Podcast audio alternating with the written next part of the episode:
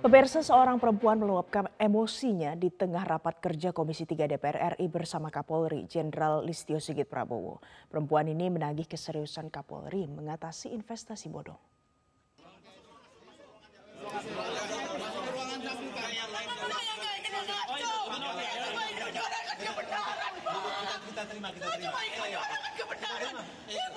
Pemirsa, perempuan ini meminta Kapolri untuk serius dalam menangani perkara investasi bodong dengan ribuan korban. Perempuan ini sebelumnya menginterupsi jalannya rapat kerja Komisi 3 DPR RI bersama Kapolri hingga akhirnya dibawa petugas untuk keluar dari ruang Komisi 3. Kapolri menjanjikan akan menemui perempuan tersebut untuk mengetahui lebih lanjut perihal laporan terkait investasi bodong. Investasi itu terkait koperasi Niaga Mandiri Sejahtera Indonesia.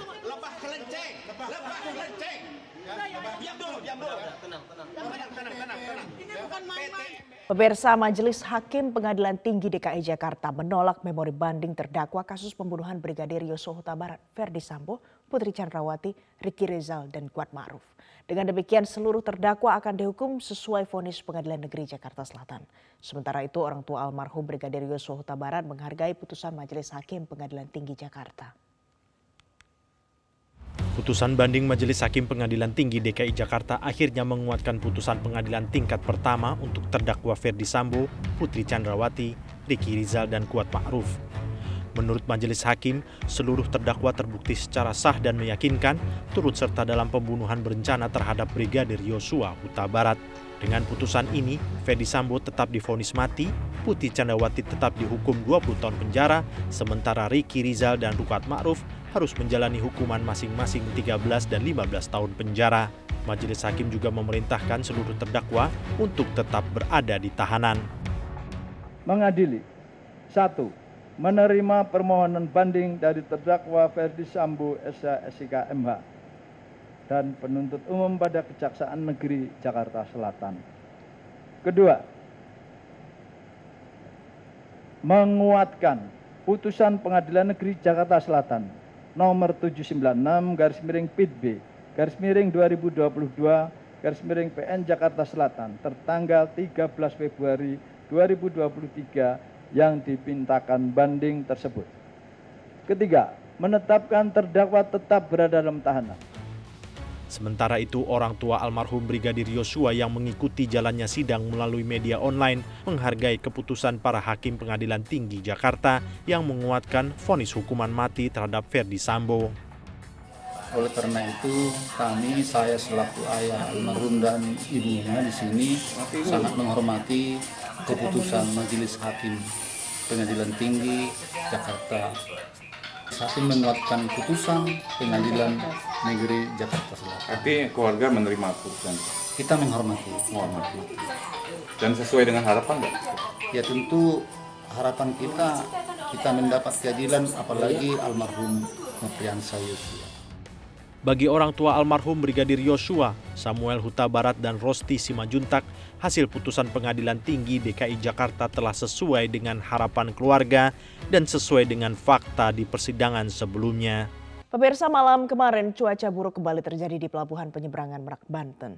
Tinggi gelombang mencapai lebih dari 2 meter. Akibatnya kapal kesulitan untuk sandar atau keluar dari dermaga.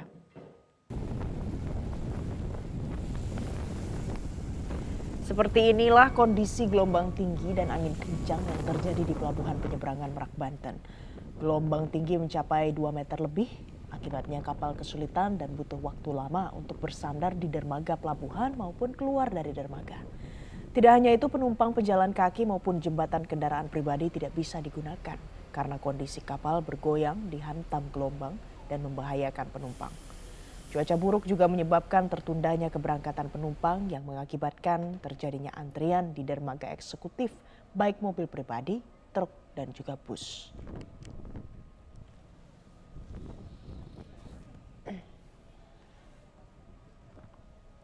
Pemirsa lonjakan jumlah penumpang di Pelabuhan Kalianget, Sumeneb, Jawa Timur mulai terjadi. Mereka memilih mudik lebih awal untuk menghindari kepadatan penumpang jelang Idul Fitri.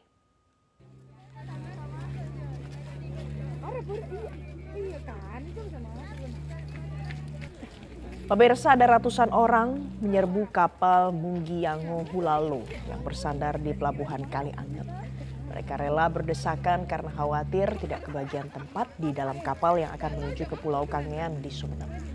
Saking padatnya, penumpang terpaksa melewati pintu samping kapal. Dan di Pelabuhan Kalianget, lonjakan jumlah penumpang yang mencapai 50 persen ini sudah terjadi sejak 14 hari sebelum lebaran. Meski demikian, belum ada penambahan perjalanan. Sementara untuk menghindari kepadatan, angkutan barang dan kendaraan harus dimasukkan kapal satu hari sebelum perjalanan.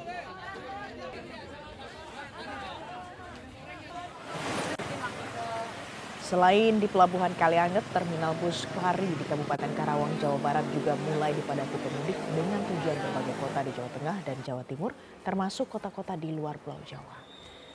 Pemudik memilih untuk pulang lebih awal untuk menghindari kemacetan saat puncak arus mudik lebaran nanti. Sementara untuk harga tiket bus ke sejumlah kota di Pulau Jawa saat ini sudah mengalami kenaikan hingga 20 persen.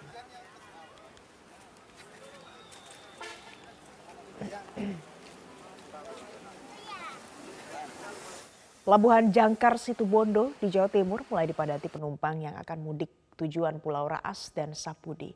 Sejumlah calon penumpang rela menginap di pelabuhan demi mendapatkan tiket keberangkatan kapal. Pemirsa alih-alih bisa mudik lebih awal untuk menghindari kepadatan. Hingga saat ini calon penumpang yang bermalam di Pelabuhan Jangkar belum juga mendapatkan tiket. Mereka bahkan sudah bermalam 2 sampai 3 hari demi mendapatkan tiket keberangkatan. Tahun ini jumlah penumpang memang meningkat dua kali lipat dari tahun sebelumnya. Ada ratusan pemudik memenuhi dermaga antri berdesakan masuk ke dalam kapal. Sementara pembatasan kendaraan roda 2 dan roda 4 agar lebih banyak penumpang yang terangkut tidak dipatuhi dan masih banyak penumpang yang tetap membawa serta kendaraannya.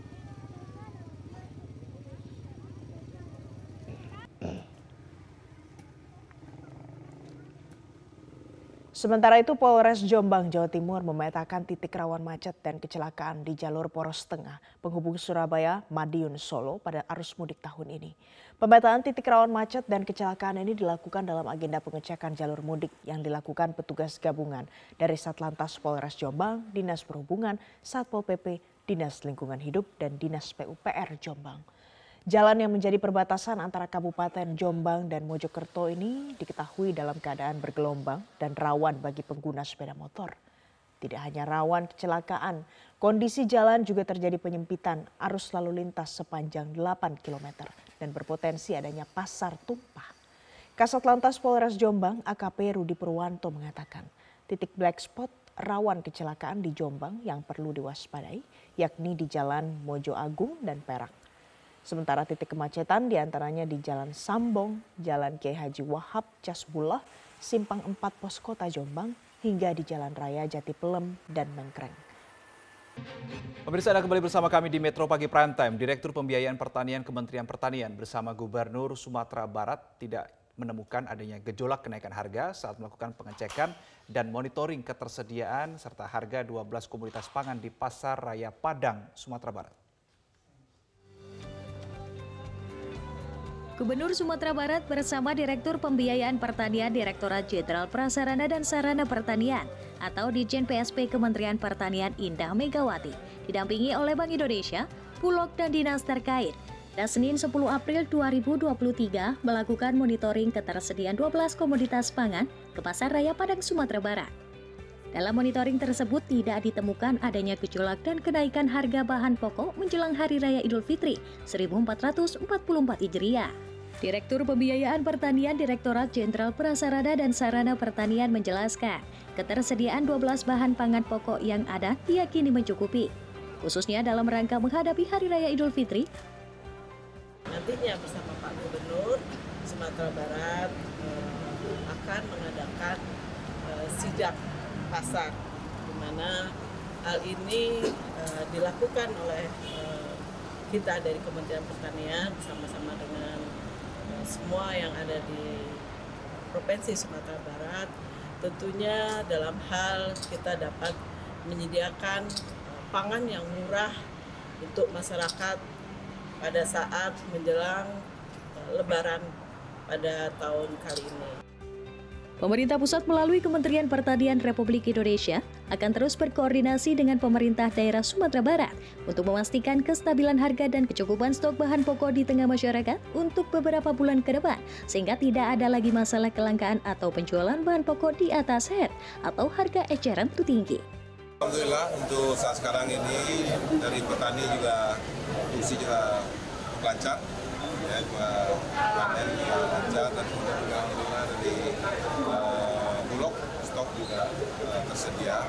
Sehingga insya Allah ketersediaan pangan di Sumatera Barat uh, mencukupi. Dan kemudian insya Allah memenuhi kebutuhan uh, lebaran ya, Ramadan lebaran insya Allah ya, uh, bisa terpenuhi.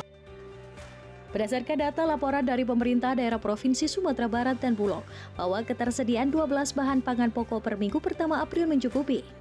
Stok masing-masing bahan pangan pokok tersebut yaitu beras sebanyak 18.293 ton, jagung 831 ton, kedelai 1.920 ton, bawang merah 2.792 ton, stok bawang putih 1.752 ton, cabai besar 2.112 ton, cabai rawit 680 ton, gula pasir 2.498 ton, dan minyak goreng 2.362 ton.